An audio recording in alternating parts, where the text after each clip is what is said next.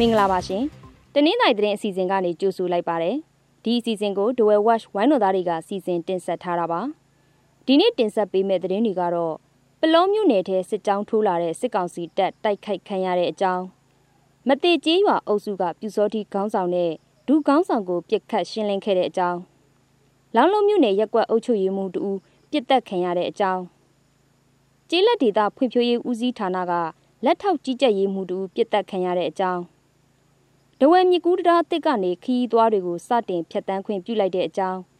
ကံပေါက်ကျေးရွာအုပ်စုရှိရက်ကွက်အချို့မှာတောက်တုံးရီခက်ခဲဖြစ်နေတဲ့အခြေအနေစတဲ့သတင်းတွေအပြင်ရွှေစည်းအတက်ကြအကြောင်းတွေကိုလည်းတင်ဆက်သွားပါမယ်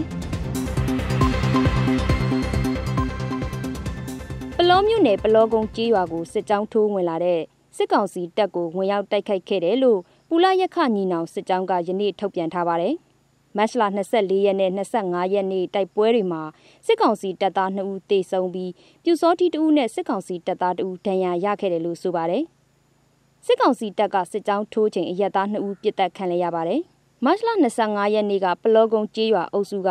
အသက်40ကျော်အရွယ်အမျိုးသား2ဦးနဲ့နိုင်အိမ်တောင်ကရွာသား2ဦးတို့ပြစ်တက်ခံရတာလို့ဆိုပါတယ်။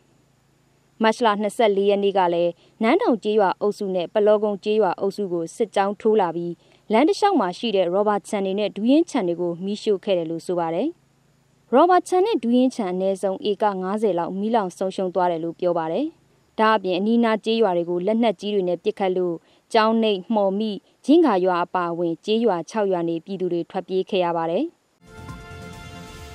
ကော့တောင်းမြို့ရှိကရတူရီမြို့နယ်မတေကျေးရွာအုပ်စုကပြူစောထီလို့ခေါ်တဲ့ပြည်သူစစ်ခေါင်းဆောင်နဲ့ဒူခေါင်းဆောင်ကိုပြစ်ခတ်ရှင်းလင်းခဲ့တယ်လို့ထုတ်ပြန်ထားပါတယ်။ မနေ့ကရှင်းလင်းလိုက်တာဖြစ်ပြီးတနက်ငါးလက်နဲ့လက်ပစ်ဘုံတွေအပါအဝင်ခဲယမ်းတွေလည်းတင်ဆက်နိုင်ခဲ့တယ်လို့တနင်္သာရီတိုင်းပြည်သူ့ကာကွယ်ရေးအဖွဲ့ကထုတ်ပြန်ထားတာပါပြူစောတိခေါင်းဆောင်နှစ်ယောက်ကိုပြစ်တက်ခဲ့ပေမဲ့လက်အောက်ငယ်သားတွေကိုတော့လက်နက်တွေတင်ပြီးပြန်လွှတ်လိုက်တယ်လို့ဆိုပါတယ်အခုလိုတိုက်ခိုက်တာကိုဗုတ်ပြင်းမြို့နယ်နဲ့ကော့တောင်းမြို့နယ်ပြည်သူ့ကာကွယ်ရေးအဖွဲ့တို့ကလှုပ်ဆောင်ခဲ့တာလို့ထုတ်ပြန်ထားပါတယ်လောင်လုံးမြို့ပေါ်ရက်ကွက်အုပ်ချုပ်ရေးမှူးတူမနေ့ကပြစ်တက်ခံလိုက်ရပါတယ်။ လောင်လုံးမြို့ကကြီးရက်ကွက်အုပ်ချုပ်ရေးမှူးဦးနေလွင်ဦးဟာသူ့ရက်ကွက်ထဲစိုက်ကယ်နဲ့သွားနေချိန်ပြစ်တက်ခံလိုက်ရတာပါသူ့ကိုဘသူတွေကဘလို့အကြောင်းရင်းကြောင့်ပြစ်တက်သွားတယ်ဆိုတာကိုတော့မသိရသေးပါဘူးရေပြူမြို့နယ်မှာကျေးလက်ဒေသဖွံ့ဖြိုးရေးဌာနကလက်ထောက်ကြီးကြပ်ရေးမှူးတူမတ်လ26ရက်နေ့ကပြစ်တက်ခံလိုက်ရပါတယ်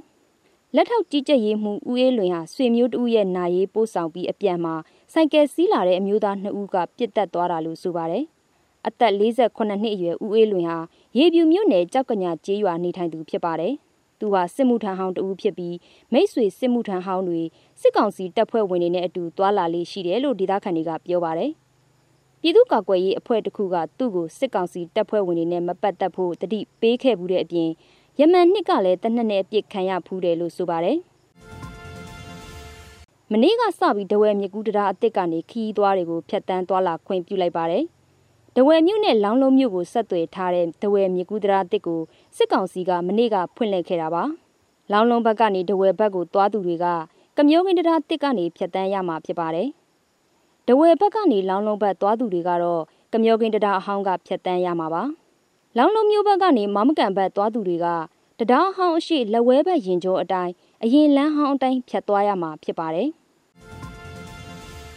ရေပြူမြို့နယ်ကံပေါက်ကျေးရွာအုပ်စုရှိရက်ကွက်အချို့မှာ တောက်သုံးရည်အခက်အခဲဖြစ်နေကြပါတယ်။အဲ့ဒီနေရာကရက်ကွက်၈ခုမှာဖေဖော်ဝါရီပြီးခဲ့တဲ့လလယ်ကလေးကရေအခက်အခဲဖြစ်နေတာလို့ဆိုပါတယ်။ကံပေါက်ဒေသမှာအရင်အစိုးရလက်ထက်ကလေးကကျေးရွာပိုင်ရေပိုက်လိုင်းတစ်ခုရှိပြီးတယူနှစ်ကိုကျက်200နဲ့တောက်သုံးရေဖြန့်ဖြူးပေးနေတာပါ။အဲ့ဒီရေပိုက်လိုင်းကတန့်ရှင်းမှုမရှိတဲ့အပြင်ရေပုံမှန်မလာတာတလကြော်နေပြီလို့ဆိုပါတယ်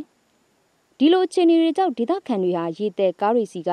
ရေတကားကိုကြက်တထောင်းနဲ့ဝယ်ယူသုံးဆွဲနေရတယ်လို့ဆိုပါတယ်။ အဲ့ဒီရေပိုက်လိုင်းကကံပေါက်ဒေသရှိရေကန်တောင်ပေါ်ကနေရေပိုက်နဲ့တွဲပြီးပေးဝေနေတာပါရွှေဈေးဟာတစ်ကြက်သားကိုငွေကျပ်1000ဈေးတက်သွားပါတယ်တဝယ်ဈေးကွက်မှာအခောက်ရွှေတစ်ကြက်သားကို29သိန်း8000ဈေးဖွင့်ထားတာပါ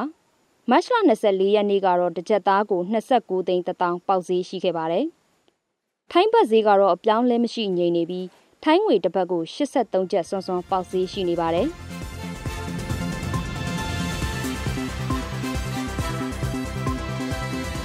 အခုလိုနားဆင်ပေးတဲ့အတွက်ကျေးဇူးအထူးတင်ရှိပါတယ်။မြန်မာနိုင်ငံသူနိုင်ငံသားများကပ်ဘေးပေါင်းကအမြန်ဆုံးလွတ်မြောက်ပါစေလို့ဒဝဲဝက်ဝိုင်းတော်သားတွေကစုမကောင်းတောင်းအပ်ပါတယ်ရှင်။